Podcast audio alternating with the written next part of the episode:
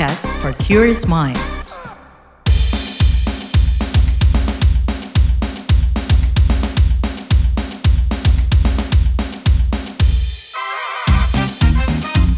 What's Trending KBR Pagi, siaran pagi radio paling update. KBR Pagi, siaran pagi radio paling update. Selamat pagi, apa kabar kalian semuanya di hari Selasa 19 September 2023? Kembali lagi saya Don Brady menjadi teman pagi hari kalian semuanya di What's Trending KBR Pagi pastinya. Nah mulai 1 September kemarin tilang manual berdasarkan hasil uji emisi diberlakukan di wilayah Jakarta. Tilang ini mengikuti isu polusi udara yang lagi ramai-ramainya dibahas. Tapi belum ada satu bulan berlaku, rencananya tilang manual terkait uji emisi malah mau dihapus. Berdasarkan keterangan pemerintah Provinsi Jakarta, rencananya mereka ingin meningkatkan tarif parkir bagi kendaraan-kendaraan yang tak lolos uji emisi.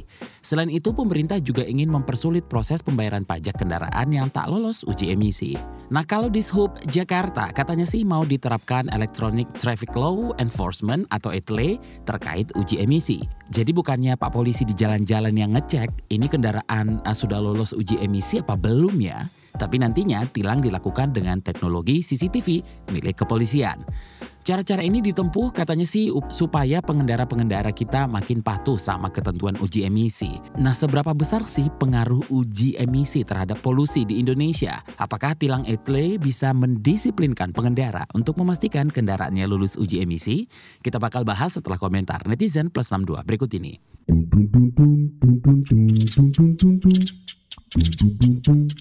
咚咚咚咚咚咚咚咚 Yang pertama dari akun @jokoxx.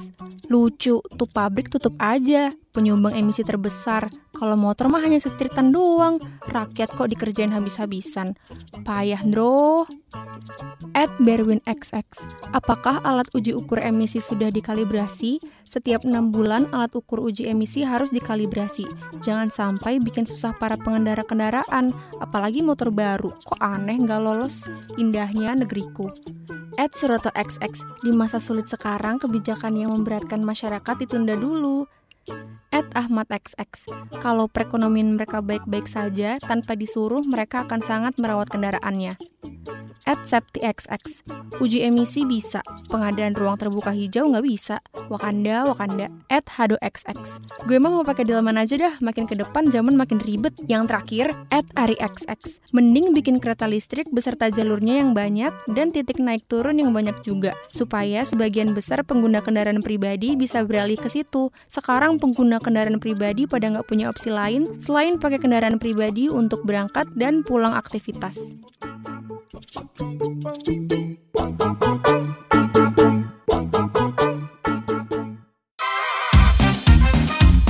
What's Trending KPR Pagi, siaran pagi radio paling update. Kita lanjutkan obrolan kita pagi ini, jadi terkait rencana penerapan sanksi tarif parkir mahal untuk kendaraan yang tidak lolos uji emisi. Juru bicara Satgas Penanganan Pencemaran Udara, Dr. Ani Ruspitawati, angkat suara. Di Balai Kota, Ani mengatakan ke depannya bakal ada 131 titik parkir disinsentif di mana kendaraan-kendaraan tidak lolos uji emisi bakal dikenakan tarif parkir yang tinggi. Cara ini diambil untuk menertibkan para pengendara yang enggan memperbaiki kualitas kendaraannya. Berikut penuturannya. Menerapkan uh, tarif parkir disinsentif di beberapa titik lokasi parkir. Saat ini sudah ada 10 uh, lokasi parkir yang menerapkan tarif uh, disinsentif dengan pembayaran parkir yang lebih lebih tinggi, lebih mahal untuk kendaraan-kendaraan yang belum melakukan uh, uji emisi. Sehingga total nanti akan ada 131 uh, titik parkir yang menerapkan tarif parkir disinsentif. Nah, lebih lanjut soal pentingnya uji emisi dan penerapan sanksinya, kita mau bahas bareng Ketua Umum Masyarakat Transportasi Indonesia, Tori Damantoro. Oke, okay, Pak Tori, ini kan diganti nih dengan tilang elektronik atau ETLE. Emang bisa ya tilang uji emisi secara elektronik. Itu deteksinya gimana? Oke, kalau skemanya untuk yang tilang elektronik itu sama seperti dengan pelanggaran lain Jadi pelanggaran uh, lalu lintas yang lain itu bahwa pemberian bukti pelanggarannya itu menggunakan elektronik. Jadi nanti dikirimkan kepada akun uh, media elektronik yang masing-masing pelanggarnya ya. Nah itu sama saja sih. Cuma masalahnya memang sekarang itu yang pelanggaran itu kan nanti kalau yang yang pelanggaran lalu lintas itu kan diidentifikasi berdasarkan kamera ya uh, dengan banyak kamera dipasang di seluruh uh, jalan-jalan begitu untuk men menangkap siapa pelanggarnya. Nah kalau emisi itu berarti dia bisa dilihat bahwa dia itu sudah melakukan uji emisi atau belum. Mungkin dari situ dulu. Itu kan pemerintah sudah menyampaikan bahwa semua kendaraan sekarang wajib uji emisi. Nah ketika uji emisi itu ada nanti ada stikernya atau ada, ada hologramnya yang ditempel kepada kendaraan masing-masing dan kemudian itu nanti menjadi uh, indikator bahwa dia sudah melakukan uji emisi atau tidak. Asumsinya kalau sudah punya stiker itu dia sudah lolos emisi sudah memenuhi standar karena ketika uji emisi itu akan dipastikan oleh bengkel penguji emisi sampai asap kendaraannya itu memenuhi baku mutu emisi kendaraan bermotor. Jatuhnya bakal banyak yang lolos nggak sih kalau pakai etle? Nah, kalau saya tetap menyarankan kepada kepolisian itu untuk tetap melakukan tilang manual. Karena apa? Karena tilang etle itu kan sifatnya sifatnya itu bisa 24 jam, begitu kan? Nah, tapi tetap aja masyarakat itu masih perlu ada sosialisasi atau kemudian tetap di encourage ya didorong untuk harus uh, patuh kepada peraturan pengujian emisi ini. Nah terbukti memang uh, tilang manual itu lebih apa lebih efektif dibandingkan tilang etle lebih efektif untuk memberikan awareness itu bukan efektif dalam penindakannya ya.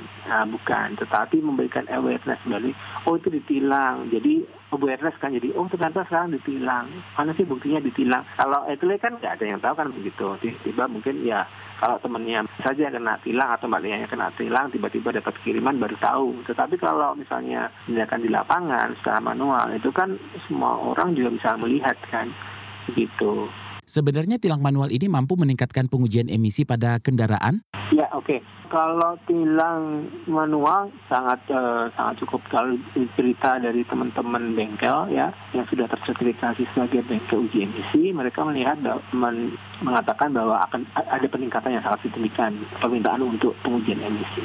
Dan sebetulnya uji emisi itu kan sudah diwajibkan ya, dia diwajibkan dalam undang-undang peraturan Kementerian Lingkungan Hidup itu sejak, sejak tahun 2000-an. Cuma uh, harus melakukan uji emisi itu dan kendaraan kendaraan kendaraan kendaraan motor itu juga harus melakukan uh, uji emisi. Dan ini tidak hanya ya sebetulnya efektivitas tilang manual itu untuk menyalakan, uh, meningkatkan kesadaran itu tidak hanya terkait dengan emisi gas buang kendaraan. Di pembayaran ya STNK itu juga juga terbukti. Makanya jasa raja meminta agar tetap ada kepolisian itu tetap melakukan tilang manual. Itu untuk yang cuma mengecek uh, punya SIM, punya STNK aja itu itu. Itu mereka menyarankan meminta kepada kepolisian untuk melakukan penindakan dan tilang manual. Karena memang efektif untuk meningkatkan awareness masyarakat. Newsbeat. Perdana Menteri Thailand Sreta Thavisin yang dilantik pada awal September kemarin mengungkap keengganannya melegalkan ganja untuk tujuan rekreasi. PM baru Thailand itu mengatakan ganja hanya diperbolehkan untuk kepentingan medis. Komitmen tidak mengizinkan ganja untuk kepentingan di luar medis dianggap sebagai salah satu pembatas tegas penggunaan ganja di Thailand. Sebab bisnis ganja di Thailand diproyeksikan mencapai 1,2 miliar dolar atau setara setara 18,4 triliun rupiah. Lebih lanjut, untuk mengontrol penyalahgunaan ganja, pemerintah menerapkan denda 25 ribu bat atau setara 10,7 juta rupiah untuk siapa pun yang menggunakan ganja di ruang publik. Ancaman penjara 3 tahun pun mengintai siapa pun yang menggunakan ganja untuk keperluan rekreasi. Elliot Page membagikan cita-cita dan keinginannya melihat Academy Award membuka ruang bagi aktor bergender netral di masa masa depan. Aktor dan produser asal Kanada ini menyerukan kesetaraan dan anti diskriminasi di ajang penghargaan, di mana ajang penghargaan diharapkan mampu menghapus klasifikasi atau pemberian penghargaan berdasarkan jenis kelamin. Aktor yang sebelumnya dikenal sebagai Ellen Page itu masuk dalam nominasi di Academy Award, Golden Globes, dan BAFTA Award atas perannya dalam film Juno tahun 2007. Ia juga sempat bermain dalam film X-Men. Agensi BTS mengumumkan rencana wajib militer dari Suga. Big Hit Music mengatakan pria bernama asli Min Yoongi ini bakal menjalankan wajib militernya dan sejauh ini tidak ada jadwal resmi apa pun hingga hari Suga memasuki camp pelatihan. Suga mulai mendaftarkan pembatalan penundaan wajib militernya setelah tur solonya selesai. Dari ketujuh member BTS, Suga menjadi member ketiga yang menjalani wajib militer, di mana sebelumnya Jin BTS dan J-Hope sudah mendahului Yoongi.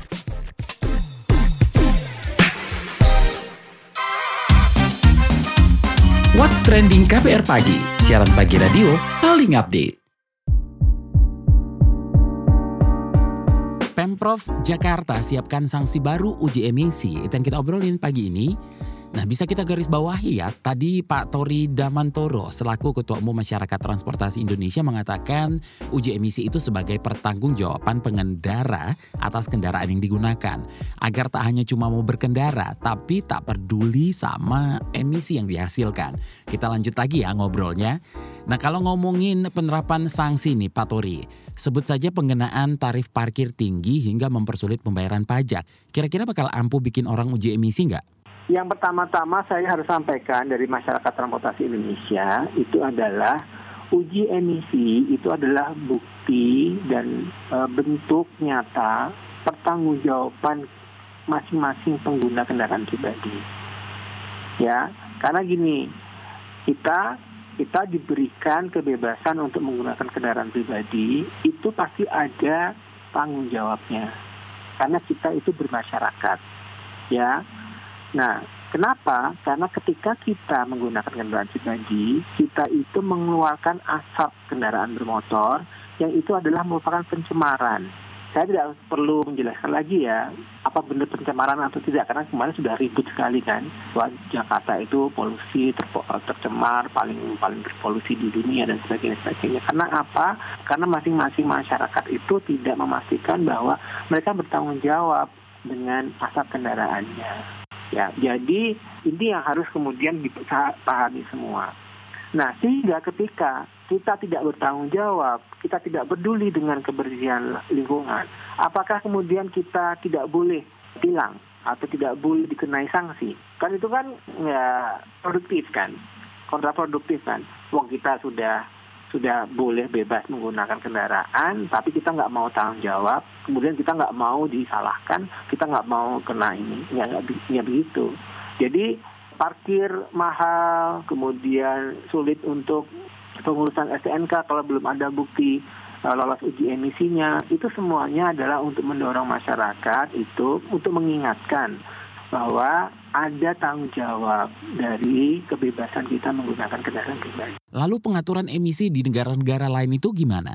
Kalau misalnya tanya di Tokyo, di Beijing, atau kemudian di di Amerika misalnya ya, yang memang mereka punya jumlah kendaraan yang jauh lebih tinggi. Rasio motorisasinya jauh lebih tinggi daripada kita.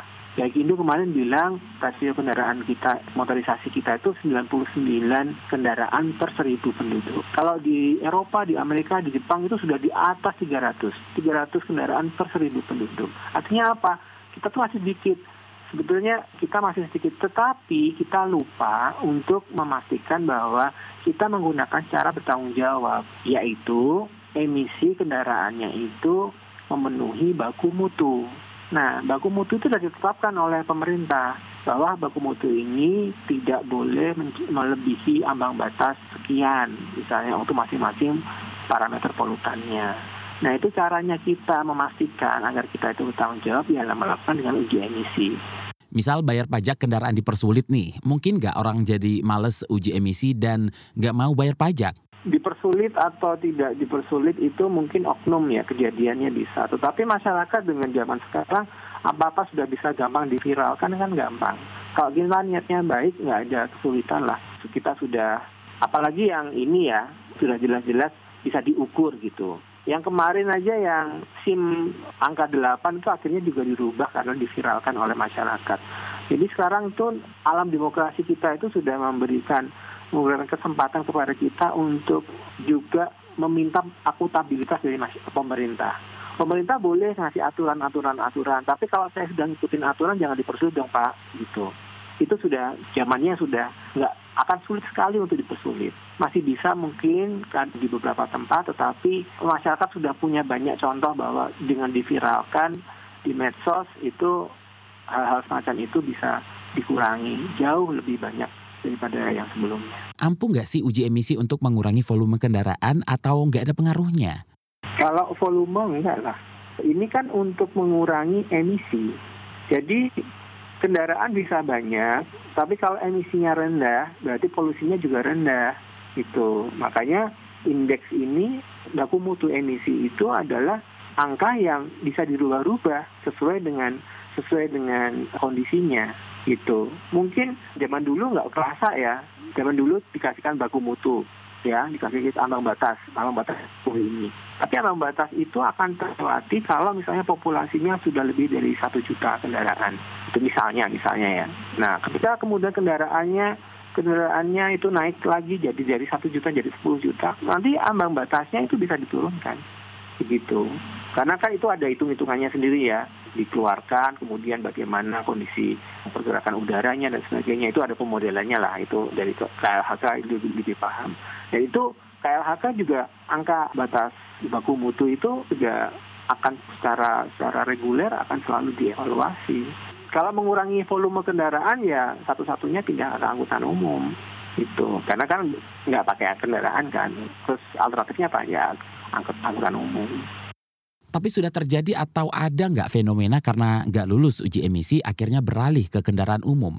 Biasanya kalau tidak lolos uji emisi, kemudian minta tolong bengkelnya bagaimana uh, apa nih yang harus diperbaiki agar kemudian bisa lolos uji emisi. Karena setiap kendaraan ketika sebelum diproduksi itu ada lolos uji emisinya. Jadi pabrikan ya misalnya dia mau mengeluarkan tipe baru nih merek tertentu. Oh ini merek ini terbaru gitu misalnya. Misalnya ini merek merek gajah gitu. Itu sama produsennya dibawa dulu ke Kementerian Perhubungan dan kemudian dilakukan uji tipe. Salah satu bagian dari uji tipe itu adalah uji emisinya. Oh ini gajah. Gunanya untuk ini. Besarnya segini. Berarti bahan bakarnya begini. Kalau bahan bakarnya begini berarti uh, standarnya emisinya adalah sekian. Sudah ditetapkan itu. Sudah ada. Nah selama ini kan orang ya yang jelas saya secara rutin servis sudah selesai. Gitu. Padahal servis itu belum tentu belum tentu emisinya itu sesuai dengan peraturannya. Harus ada alat-alat lagi yang untuk melakukan uh, pengujian emisi.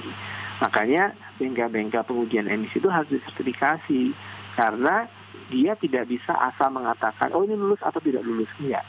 Dia harus punya peralatan yang peralatan itu harus juga terkalibrasi di tera ya ya dengan dengan baik dan kemudian ada prosedur prosedur prosedurnya yang harus diikuti sehingga dia bisa mengatakan ini lolos atau tidak lolos. Ada catatan dan rekomendasi mungkin soal masalah emisi kendaraan pada polusi udara? Ya, oke. Okay. Jadi kalau polusi udara itu ada dua kuncinya. Yang pertama adalah kualitas bahan bakar. Jadi bahan uh, kualitas bahan bakar. Ini adalah energi yang dibakar oleh masyarakat dengan kendaraan pribadinya. Jadi kualitasnya juga harus baik. Saat ini PR pemerintah itu belum berhasil menurunkan kadar sulfur. Sulfur kita masih tinggi dan kemudian masih belum comply dengan jenis teknologi kendaraan yang lebih ramah lingkungan. Jadi satu adalah isunya PR-nya perbaiki kualitas BBM kita. Kenapa? Karena dengan harga yang sama kualitas BBM di negara-negara lain itu lebih bagus. Nah ini Pertamina harus didorong untuk segera memperbaiki. Memang akan ada investasi, tetapi ya lebih milih mana polusi udaranya terus-terusan buruk begitu, kemudian dampak sosial ekonominya juga akan tinggi, atau kita melakukan investasi untuk perbaikan kualitas BBM. Itu satu. Yang kedua, kita juga harus mendorong terus dikembangkannya teknologi kendaraan yang ramah lingkungan. Ada Euro 1, 2, 3, 4, 5, sampai 6. Nah sekarang kita itu masih mentok di Euro 4 itu pun implementasinya masih terkendala dengan kualitas bahan bakar. Nah, tetapi kita nggak uh, sambil kita mendorong kualitas bahan bakar diperbaiki, kita juga harus terus mendorong uh, perbaikan kualitas teknologi kendaraan yang ramah lingkungan, terutama teknologi kendaraan cetus bakar ICE itu karena mereka masih menggunakan BBM.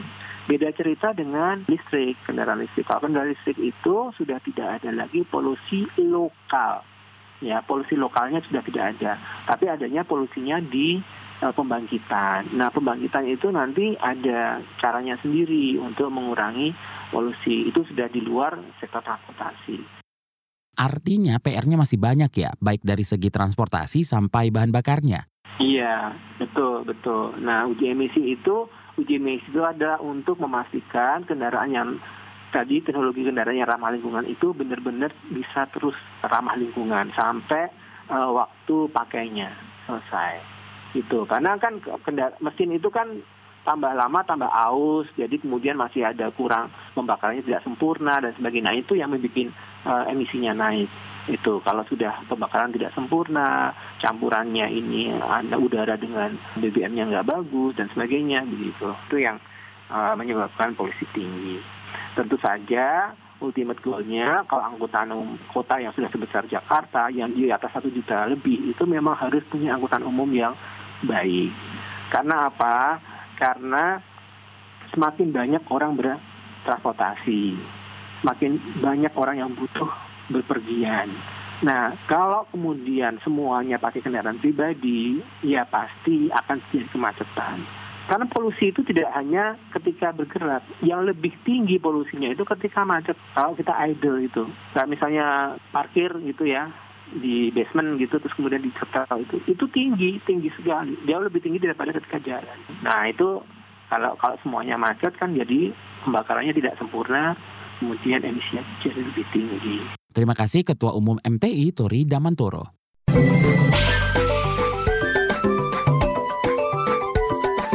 WhatsApp Indonesia. WhatsApp Indonesia kita mulai dari Jakarta. Warga Jakarta mesti menyesuaikan KTP-nya seiring dengan berubahnya gelar Jakarta sebagai daerah khusus ibu kota atau DKI menjadi daerah khusus Jakarta DKJ. Bahkan Kepala Disduk Capil Pemprov Jakarta, Budi Awaludin mengatakan masyarakat harus mencetak ulang kartu tanda penduduk elektronik IKTP. Meski meminta warga Jakarta mulai mencetak ulang IKTP-nya, Budi mengungkap proses ini akan dilakukan secara bertahap sebab ada masalah ke keterbatasan belangko. Budi juga berharap DPRD Jakarta segera menyetujui anggaran tinta untuk percetakan massal IKTP setelah rancangan Undang-Undang RUU DKJ disahkan. Selanjutnya menuju Rempang, Kepulauan Riau. Kapus Pen TNI Julius Wijojono mengklarifikasi video viral Panglima TNI terkait penanganan demo dengan memiting tanpa alat. Menurut Julius terkadang bahasa prajurit disalahartikan masyarakat. Kata Julius, jika dilihat secara utuh dalam video tersebut, Panglima TNI sedang menjelaskan bahwa demo yang terjadi di Rempang sudah mengarah pada tingkat anarkisme yang dapat membahayakan baik aparat maupun masyarakat itu sendiri, sehingga meminta agar masing-masing pihak hak untuk menahan diri. Panglima mengatakan untuk tidak memakai senjata tapi menurunkan personel untuk mengamankan demo tersebut. Terakhir mampir ke Bintan. Menteri Pariwisata dan Ekonomi Kreatif Menparekraf Sandiaga Salahuddin Uno mendorong para pelaku ekonomi kreatif, ekraf, dan UMKM lebih mengeksplorasi dan mengembangkan ide-ide kreatif pada produknya. Kreativitas dan inovasi dalam pengembangan produk di dianggap penting sebab memberikan nilai tambah dan jual suatu produk. Selain itu, Sandi juga mengenalkan sistem online single submission atau OSS pada pelaku ekonomi kreatif Kabupaten Bintan. Menurut Sandi, izin usaha dan izin komersial atau operasional sudah dipermudah dengan sistem OSS. Ini memungkinkan pelaku ekonomi kreatif dan UMKM memperluas jangkauan pasarnya. Demikian WhatsApp Indonesia hari ini.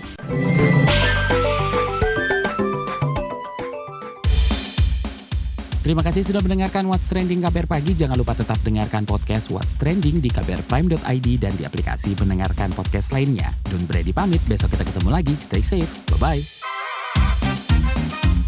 What's Trending KBR Pagi, siaran pagi radio paling update.